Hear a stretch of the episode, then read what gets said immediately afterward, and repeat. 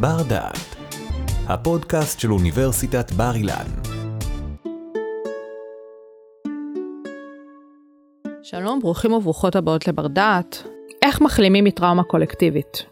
זאת אולי שאלת מיליון הדולר שצצה בראשו של כל ישראלי מאז אירועי 7 באוקטובר, ולאורך כל הלחימה ברצועת עזה. האם יש איך להחלים מטראומה קולקטיבית? והאם בכל טראומה מטפלים באותו האופן? מי שתעזור לנו להבין האם ניתן להחלים מטראומה על רקע אירועי 7 באוקטובר והלחימה בעזה, היא פרופסור קרן גואטה, ראשת המגמה לוויקטימולוגיה בתוכנית לקרימינולוגיה קלינית במחלקה לקרימינולוגיה. שלום קרן. שלום. אנחנו מקליטות את הפרק שלנו בסוף חודש דצמבר 2023. זאת אומרת, עברנו מעין כברת דרך מאז אותה שבת שחורה. יכול להיות שאנחנו קצת מתיימרות לקחת את הנושא הזה ואולי להבין מה הולך להיות ביום שאחרי מבחינת הכאב. כי זה הסיפור כאן, לא הכאב שכולנו חווינו. כשאני אומרת חווינו, זה באמת באיזושהי רמה קולקטיבית. אבל זה יותר מורכב מזה, נכון? זה מורכב כי כל אחד מאיתנו נחשף אה, לא, לא, לאותה טראומה אה, קשה בדרך אחרת. יש כאלה שבאמת איבדו בני משפחה, נפצעו, אז כמובן שהכאב שלהם הוא גדול יותר. ויחד עם זאת אנחנו צריכים לזכור, אה, ויש לנו גם דוגמאות מעולם, ובטח שיש לנו כמדינת ישראל דוגמאות כאן, שאפשר לחיות לצד הכאב, שאנחנו יכולים לחיות לצד הצלקת הזאת, אנחנו רק צריכים לעשות את הדברים הנכונים.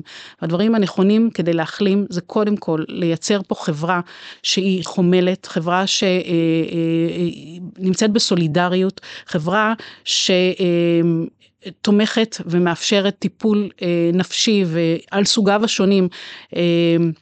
באותם נפגעים וגם באנשים אחרים שגם אם לא נפגעו ישירות אבל חווים קושי ומצוקה הם זכאים לטיפול.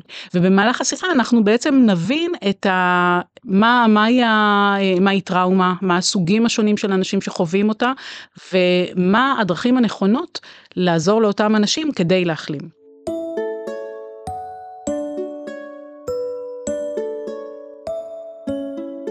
כן, מה זה בכלל ויקטימולוגיה? אז ויקטימולוגיה היא ענף בתוך מדע הקרימינולוגיה. זה מדע בעצם אינטרדיסציפלינרי, כלומר הוא ניזון מכמה אה, מדעים אחרים, תחומי דעת אה, מרובים כמו משפטים, סוציולוגיה, אה, פסיכולוגיה, והוא חוקר את חוויית הקורבנות, את הוויקטימהוד. מה זה אומר להיות קורבן? מה ההשלכות של קורבנות על האדם עצמו, ואיך אפשר להחלים מקורבנות. אה, את המונח טבע עורך דין יהודי אה, ממוצא רומני, אה, בנג'מן מנדלסון ב-1938, ולכן אנחנו מדברים על תחום ידע מדעי צעיר. ויש לנו טיפולוגיות שונות לאיך שאנחנו מחלקים את הקורבנות. בגלל האופי הרדיואקטיבית של, של הטראומה, אנחנו כדאי להתייחס למעגלים השונים. אז יש לנו כמובן את המעגל הראשוני, את הנפגעים הישירים, את אותם אנשים אלה שעליהם בוצע, שהם חוו את הטראומה, את אותה עבירה. את מי שנאנס, את מי שנרצח, ויש את המעגל השני, שזה בעצם בני המשפחה, שבעבר נהגו לכנות אותם אה, קורבנות משניים, אה, ואנחנו יודעים היום שזה לא נכון, יש להם אה, כינוי הרבה יותר מדויק, שזה co-victim, בעצם קורבנות שותפים, כי גם הם חווים השלכות מאוד מאוד קשות, וכמובן יש את המעגל השלישי, שהוא מתייחס לצוותי חירום, כמו רפואה, כמו זק"א, אנשי, אנשי טיפול כמובן. ויש את המעגל הרביעי, שזה אנשים שנחשפו לטראומה, אבל דרך אה, איזה שהם אה, גורמים נוספים, כמו צפייה בחדשות, אה, סיפורים של חברים, או שהם היו, נמצאו באותה מסגרת ש, שאותם נפגעים, כמו חברים לכיתה של אותו נפגע. הסיפור הזה של המעגלים הללו, זה בעצם מכניס אותנו תחת מטריה יותר רחבה, שגורמת לנו להבין שהסיפור של הקורבנות יכול לקרות בכל מקום. נכון, ויכול לקרות לכל אחד מאיתנו. אין מאפיינים ייחודיים לקורבן. כלומר, יש לנו אנשים שאנחנו יודעים שמבחינת הסיכון שלהם הם בסיכון מוגבר, למשל מי שחווה פעם אחת קורבנות הוא בסיכון אה, לקורבנות נוספת, אבל כל אחד מאיתנו הוא בעצם, אה, יש לו פוטנציאל להיות קורבן. יש לנו גם אה, טיפולוגיות אחרות שבעצם מדברות על אה, אה, קורבנות לפי סוגי העבירות. אז יש לנו קורבנות כמובן, אה, מרבית הוויקטימולוגיה עוסקת בקורבנות של אה, אה, אלימות בין אישית, כמו קורבני קורבנות של אלימות במשפחה, או קורבנות של אונס או תקיפה מינית וכולי, אבל יש לנו גם כמובן קורבנות של הונאה, פשעי הונאה.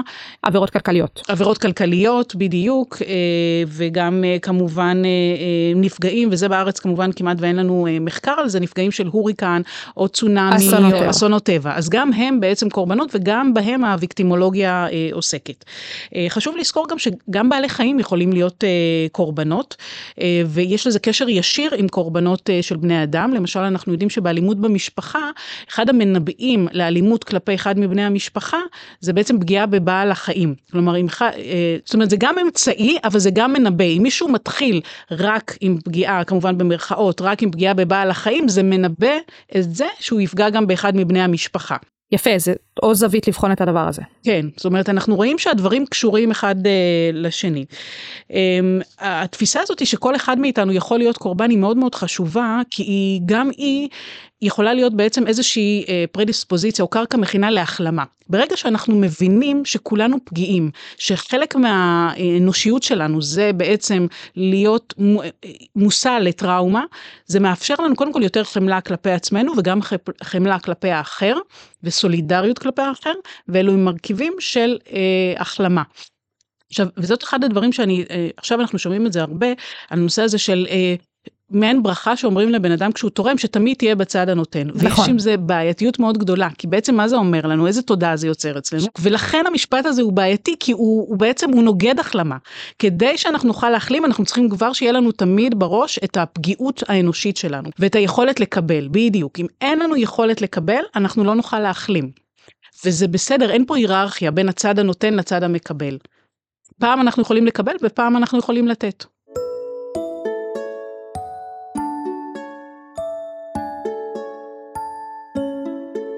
קרן, אז אם דיברנו עד עכשיו על העניין של ויקטימולוגיה והבנו את הסיפור של סוגי קורבנות, בסופו של דבר אני חושבת שמאירועי 7 באוקטובר והמלחמה הזאת, בתוך החברה הישראלית אנחנו לוקחים את הסיפור של קורבנות צעד אחד קדימה. גם מבחינת הכמות, אבל גם מבחינת החלחול של תופעת הקורבנות לתוך החברה. איך את רואה את זה בתור חוקרת? נכון, אנחנו כולנו בעצם אה, נחשפנו לטראומה. נחשפנו לטראומה שהיא בעצם, אם אנחנו מגדירים אותה, זה איום ממשי על הגוף ועל הנפש.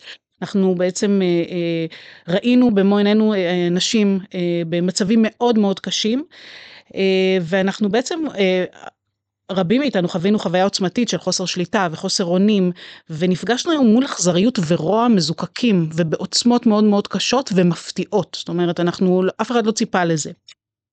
אבל יחד עם זאת חשוב לציין שיש ציר של תגובות לטראומה. חלק מהתגובות על קצה אחד של הציר הזה זה תגובות שהן אה, טבעיות ומתבקשות והן לא פתולוגיות ואנחנו מאוד מאוד צריכים להיזהר במינוחים שאנחנו משתמשים בהם. אה, כי אם אנחנו בעצם מדברים על, על קשיים בשינה, חוסר סבלנות, קשיי ריכוז, דריכות, אלה הם חלק מהתגובות הנורמליות למצב הלא נורמלי. אז התגובות הראשוניות האלה זה חלק מתגובות של עיבוד הטראומה, אבל, וחשוב להבדיל אותם מהתפתחות של הפרעה פוסט-טראומטית, שאנחנו מכנים אותה PTSD, Post-Traumatic Stress Disorder. עכשיו, איך אנחנו נדע להבדיל, וזאת השאלה שעכשיו נשאלת הכי הרבה. נכון. ואפשר שאלה מאוד uh, פשוטה שאנחנו יכולים לשאול את עצמנו, האם הסימפטומים, שתכף נדבר עליהם, הם מנהלים אותנו, או שאנחנו מנהלים אותם? מה עומק התפק... הפגיעה בתפקוד? ככל שהפגיעה בתפקוד היא ממושכת מעבר לזמן הרצוי, מעבר לחודש, אנחנו כבר נתחיל לדבר ולשאול את עצמנו האם מתפתחת פה אה, הפרעה אה, פוסט-טראומטית. אה, אני רק אומר שהפרעה פוסט-טראומטית היא ידועה בהיסטוריה, אבל רק אחרי מלחמת אה, וייטנאם בארצות הברית הבינו שחלק מהחיילים שחוזרים מהג'ונגלים של אה, וייטנאם סובלים משלל תופעות נפשיות שחייבים לטפל בהם אי אפשר להתעלם בהם אז בעבר באמת אה, אה, קראו לזה הלם קרב אבל ב-1980 ההפרעה הזאת נכנסה לראשונה ל-DSM שזה בעצם ספר האבחנות הפסיכיאטריות הנפשיות וסוף סוף התופעה הזאת קיבלה שם והכרה. עכשיו למה זה כל כך חשוב? קודם כל להבין שזאת הפרעה שצריך לטפל בה וברגע שהיא נכנסה ל-DSM אז גם חברות הביטוח מימנו את הטיפול בה וגם באמת מאותם שנים אנחנו רואים המון המון אה, מחקרים על מה הדרך היעילה והנכונה לטפל באותם, אה, באותה הפרעה וגם איך ניתן למנוע ממנה, שזה גם דבר שהוא נורא נורא חשוב. אז בעצם ההפרעה הזאת מתבטאת בחוסר היכולת להשאיר את העבר בעבר, ובמקום זאת לחוות אותו כהווה מתמשך. ויש אה, שיר שהמשוררת צליל ים, שזה שם העט שלה, שהיא בעצמה נפגעת טראומה, היא היטיבה לתאר אותו בשיר קצר שמכונה פוסט טראומה. היא אומרת, מה שיהיה קרה ומה שקורה היה.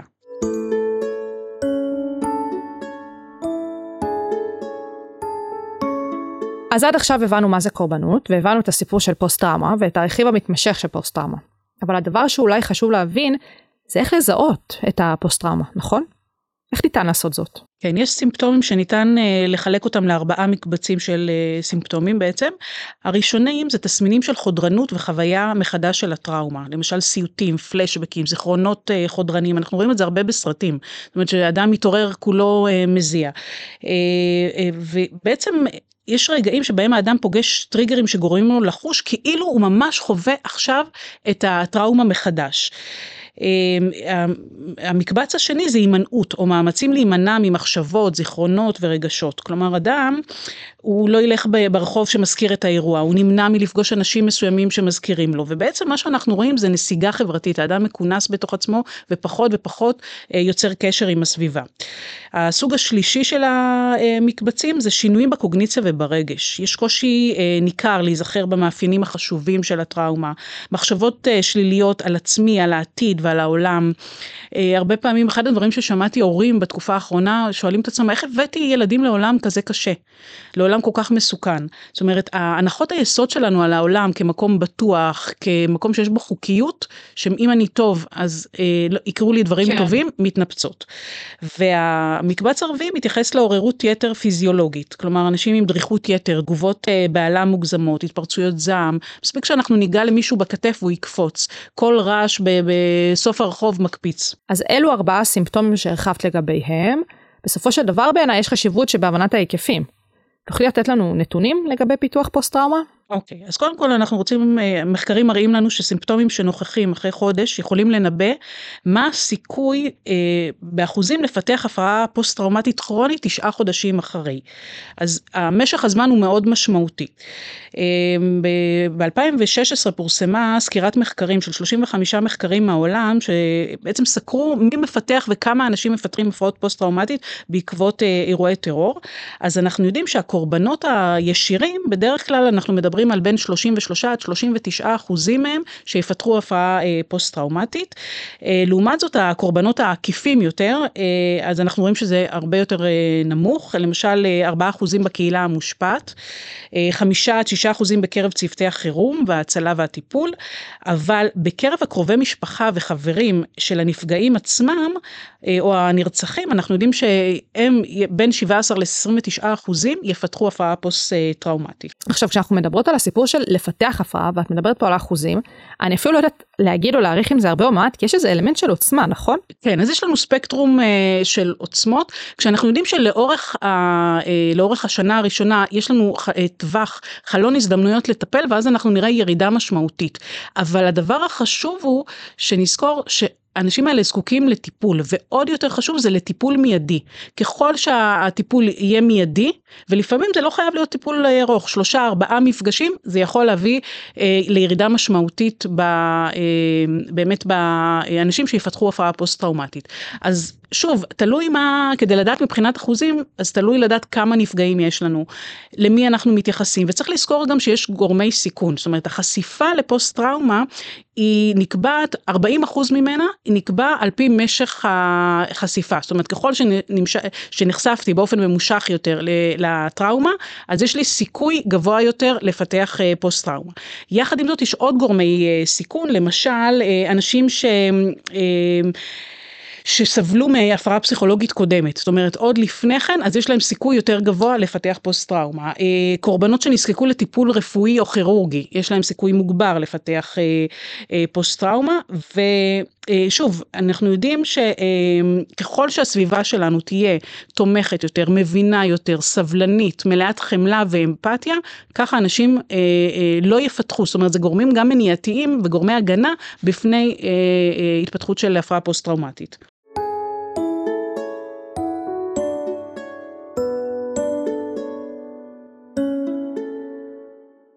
כן, אם אנחנו מדברות בהקשר של השבעה באוקטובר והמלחמה בעזה, אז אנחנו יכולות להגיד, וחשוב להגיד, אנחנו מקליטות את הפרק בסוף חודש דצמבר 2023, זאת אומרת, עברנו כבר כברת דרך מסוימת מאז אירועי אותה שבת שחורה, ואנחנו יודעות להגיד שיש כל מיני סוגי פגיעות שקרו במסגרת אותה שבת שחורה, וכמובן שגם אחריה. כמה חשוב לסווג את uh, סוגי הפגיעות שאנשים נחשפו אליהן? מאוד חשוב כי צריך לדעת לטפל טיפול מותאם בהתאם לסוג הפגיעה. עכשיו יש לנו פה אה, את הנושא של ריבוי פגיעות, כלומר אנשים שגם אה, אה, ירו בהם וגם הם נרדפו וגם הם היו, חוו רגעי אימה של המון המון שעות בלהסתתר ויכול להיות שגם נפצעו פיזית וגם יכול להיות למשל אנשים שנפגעו מינית. עכשיו אז ככל שיש ריבוי פגיעות אנחנו צריכים לטפל בצורה מותאמת ולכל אחת מהפגיעות כמובן לתת את המענה. הרעיון המרכזי בטיפול שהוא אה, מודע טראומה זה לתת טיפול הוליסטי לכל אחד מהנדבכים, גם טיפול רפואי שהוא מיודע טראומה וגם טיפול נפשי. זאת אומרת שכשמגיע או מגיעה קורבן אנחנו צריכות לדעת לתשאל כראוי כדי שנוכל להציף את כל הפגיעות שהיא חוותה. בדיוק, כדי אה, להבין, וזה הצוות הרפואי אה, צריך לדעת, לשאול את השאלות הנכונות כדי לברר האם הייתה גם איזושהי אה, פגיעה מינית. כמובן שאנחנו צריכים לזכור שפגיעה מינית, באופן כללי, גם בלי קשר למלחמה, יש לנו תמיד תת דיווח, ויש הרבה סיבות למה יש לנו תת דיווח, כמובן שאשמה ובושה. אה, הם, אה, שהם כמובן אה, לא, לא מותאמים, אבל הנפגעות עלולות והנפגעים עלולים להרגיש אשמה ובושה, במיוחד הדבר נכון שבעתיים בעבירות שבוצעו, עבירות מין שבוצעו כחלק מהמלחמה, כי אנחנו יודעים הרי שעבירות המין הם לא בוצעו כחלק מפורקן מיני, זה אלא זה עוד איזשהו אמצעי לחימה שנועד לעורר אימה, לעורר פחד, להלאים את הגוף של הנשים ושל הגברים כמייצג את ה... מולדת. לא סתם, זה נכנס תחת הכותרת של פשעי מלחמה, עניין של אונס ועבירות מין. זה אמצעי אה, מלחמה. חשוב אגב לזכור שגם גברים נפגעים. אה, באגודה הישראלית לוויקטימולוגיה אנחנו שמענו הרצאות מכל העולם, גם מיוגוסלביה אה, אה, לשעבר וגם מאוקראינה, ויש עדויות גם לגברים. אנחנו יודעים באופן כללי שגברים פחות מדווחים. זאת אומרת שאם יש תת דיווח באופן כללי, בקרב גברים מדובר על התת של התת של הדיווח. בדיוק. גם צפייה אגב, או חשיפה ל... ל לאלימות, לאלימות מינית כלפי אדם אחר, גם היא מהווה אה, אה, פגיעה וגם אותה, גם בה צריך אה, לטפל. צריך לזכור שבעצם אחת הסיבות לתת הדיווח הזה זה כמובן מה שאנחנו מכנים אה, פגיעה מינית רצחנית, כלומר הרבה מהאנשים כנראה שהם אה, נרצחו וכנראה שלעולם לא נדע כמה נשים אה, נפגעו מינית לפני שהם אה, נרצחו. אה, ולכן הדבר הזה כל כך אה, אה, מעורר זעם אה, לנוכח אה, בגידת ארגוני הנשים בעולם, ושפשוט אה, אה, בגדו ב, באמונות היסוד הבסיסיות של כולנו, שעליהן מושתתת אותה אחווה או sisterhood, של תפיסה שנשים, זה לא משנה, באופן גלובלי לא משנה מהאינטרסים אה, הפוליטיים והכלכליים, תומכות אחת בשנייה כי אין שום הצדקה לפגיעה מינית. ועוד קבוצה של הנפגעים מאז השבעה באוקטובר? כן, אה, משפחות החטופים, הן בעצם מתמודדות אה, אה, גם עם מצב של דחק מתמשך שמכונה בספרות המדעית אובדן עמום. המושג הזה נתבע על ידי הפסיכולוגית הקלינית והחוקרת פאולין בוס בשנות ה-70 של המאה הקודמת, והוא מתאר אובדן שהוא לא ודאי ומתמשך של בן משפחה, שאין לו סיום ברור. או בעיר, זה באמת אובדן מייסר במיוחד מכל האובדנים.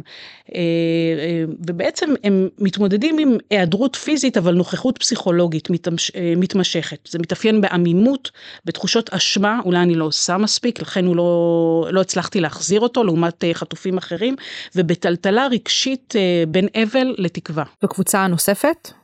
קבוצה נוספת אה, היא הנושא של אנשים עם רקע של פגיעה טראומטית קודמת, כלומר נפגעי תקיפה מינית, אה, נשים שהן אה, נפגעות אלימות במשפחה, עוד בלי קשר למלחמה, ובעצם הטראומה הנוכחית היא מפעילה מחדש טראומות קודמות, ריאקטיביזציה.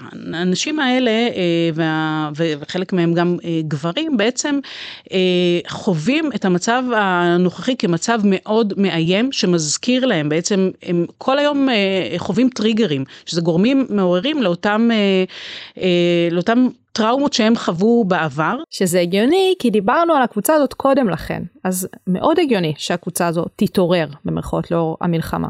ומה שחמור זה שכרגע המשאבים הטיפוליים מופנים לצורכי המלחמה, ולכן להם נשאר פחות, והם מרגישים הרבה פעמים אה, פחות מעניינים, ושוב מרגישים את אותה הזנחה. אה, למשל אמרה לי אה, נפגעת לא מזמן, היא אמרה לי המילה חדירה, כל פעם שאתם אומרים חדירה, חדירת מחבלים, אנחנו מתכוונים לחדירת מחבלים, ועבורה חדירה כמובן עם קונוטציה אחרת. ודווקא עכשיו המטפלת שלה אה, פחות הייתה אה, פנויה והתנדבה לעזור במקומות אחרים. אז אנחנו צריכים לזכור גם אותם.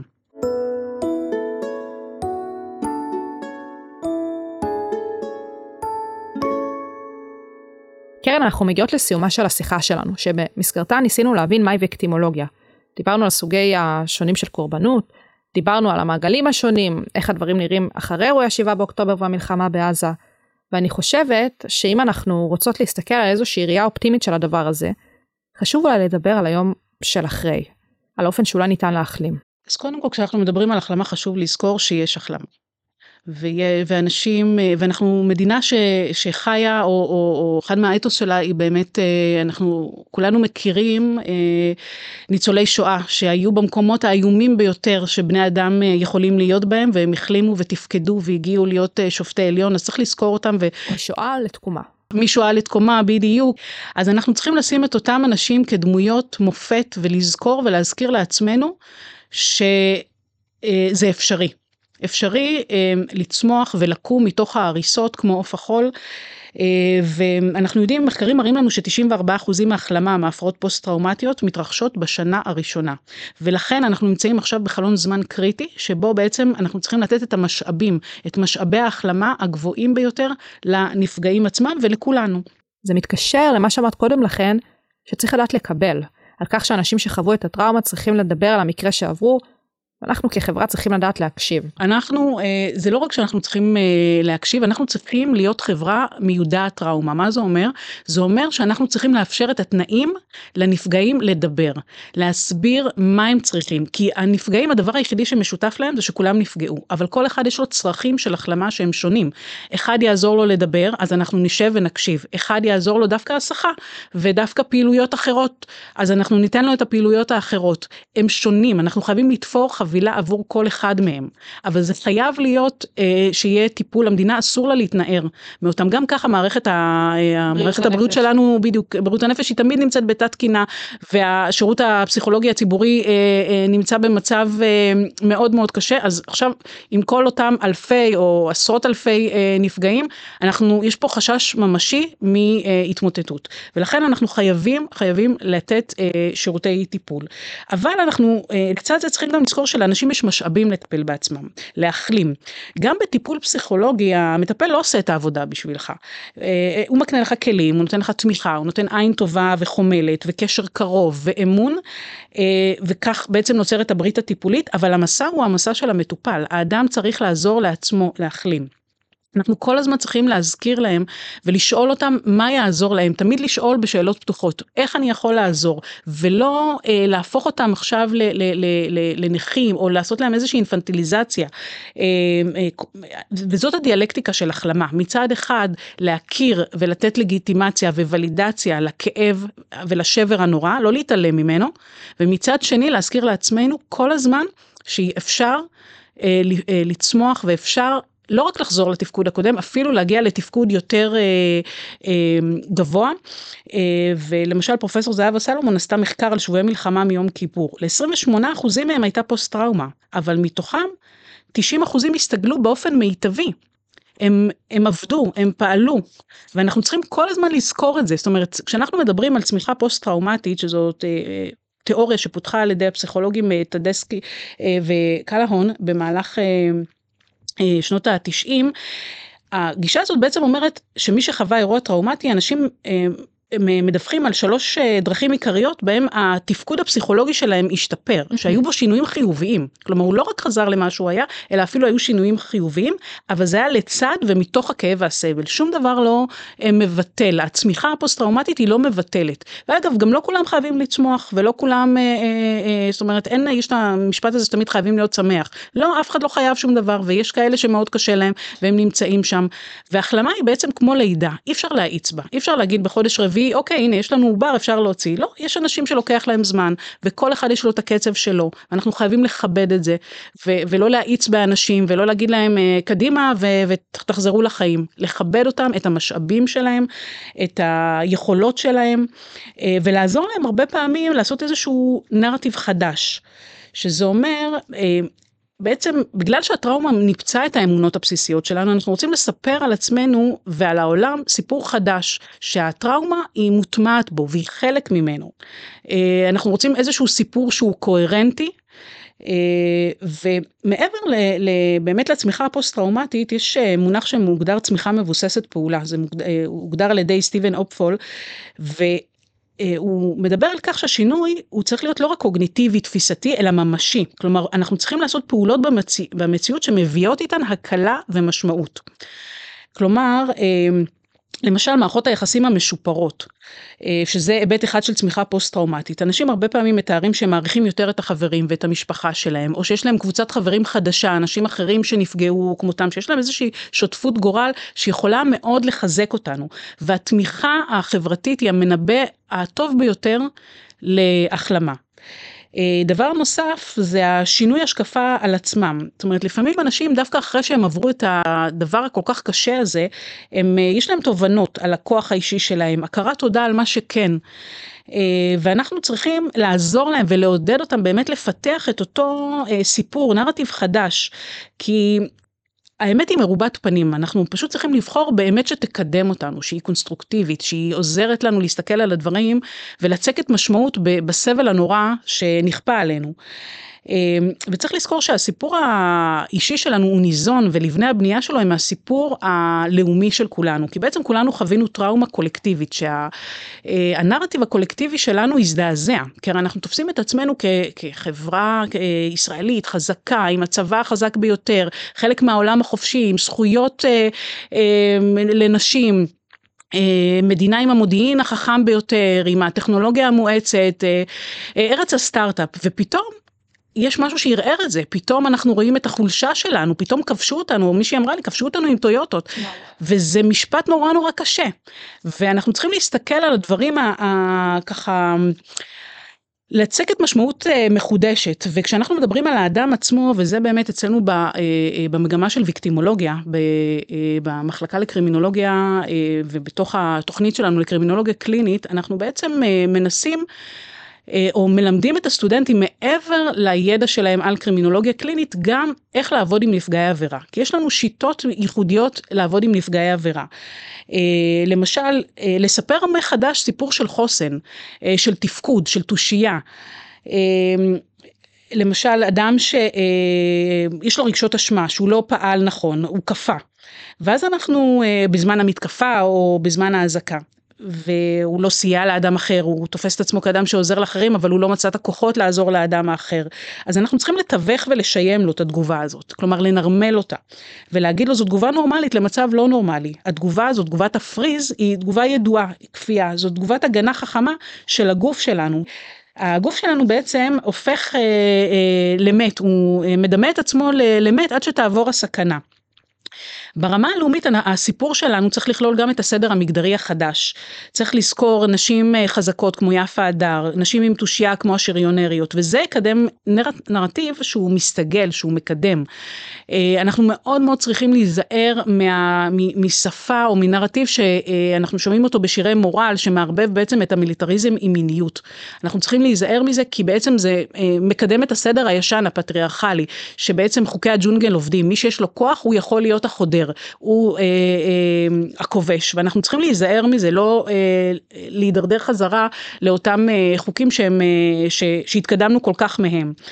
הם ייצרו עוד קורבנות, כי ברגע שאנשים ירגישו שיש להם את, ה, את הלגיטימציה, כי אני חזק, זה אה, ידרדר אותנו. אנחנו רוצים לחזור אה, אה, ולפתח איזשהו שיח חברתי של חמלה עצמית, שעשיתי כמיטב יכולתי. כלומר, הפחתה של השימות, של השיפוט העצמי הנוקב, אה, לטובת ההבנה שלא הכל בשליטה שלנו, או לא הכל לתוצאה של המעשים שלנו.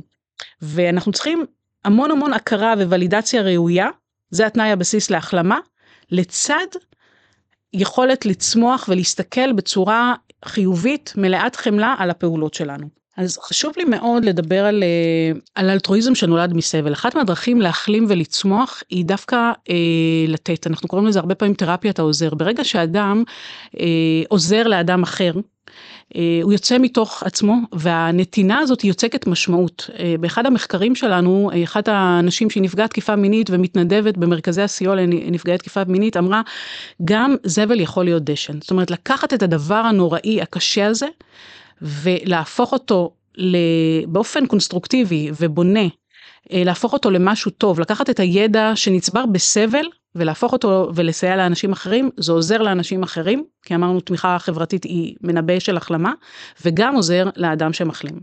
וכל הנקודות הללו שהן כל כך חשובות גם בשביל, כמו שאנחנו מנסות להסביר לאורך כל הפרק, להכיר בקורבנות, להכיר במעגלים השונים, ודרך זה להבין לאיזה סוג החלמה אנחנו מייחלים, גם במובן הספציפי, אבל גם במובן הקולקטיבי. אני רוצה להודות לך על הידע שהענקת לנו פרופסור קרן גואטה, ראשת המגמה לוויקטימולוגיה בתוכנית לקרימינולוגיה קלינית במחלקה לקרימינולוגיה. המון המון תודה. בבקשה. תודה שהאזנתם לבר דעת, אפליקציית הפודקאסטים של בר אילן. אנו מקווים שנהנתם, החכמתם ולמדתם משהו חדש. עוד הרבה פודקאסטים מעניינים מחכים לכם באפליקציה, אז המשיכו להאזין לנו. בר אילן, משפיעים על המחר, היום.